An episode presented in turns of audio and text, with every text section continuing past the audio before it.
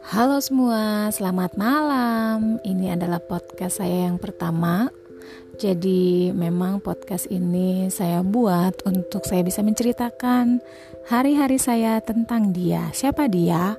Ya, banyak hal dia yang mungkin pada hari ini itu bersentuhan dengan saya dan itu uh, menginspirasi saya. Oke, stay tune terus di podcast ini tentang dia.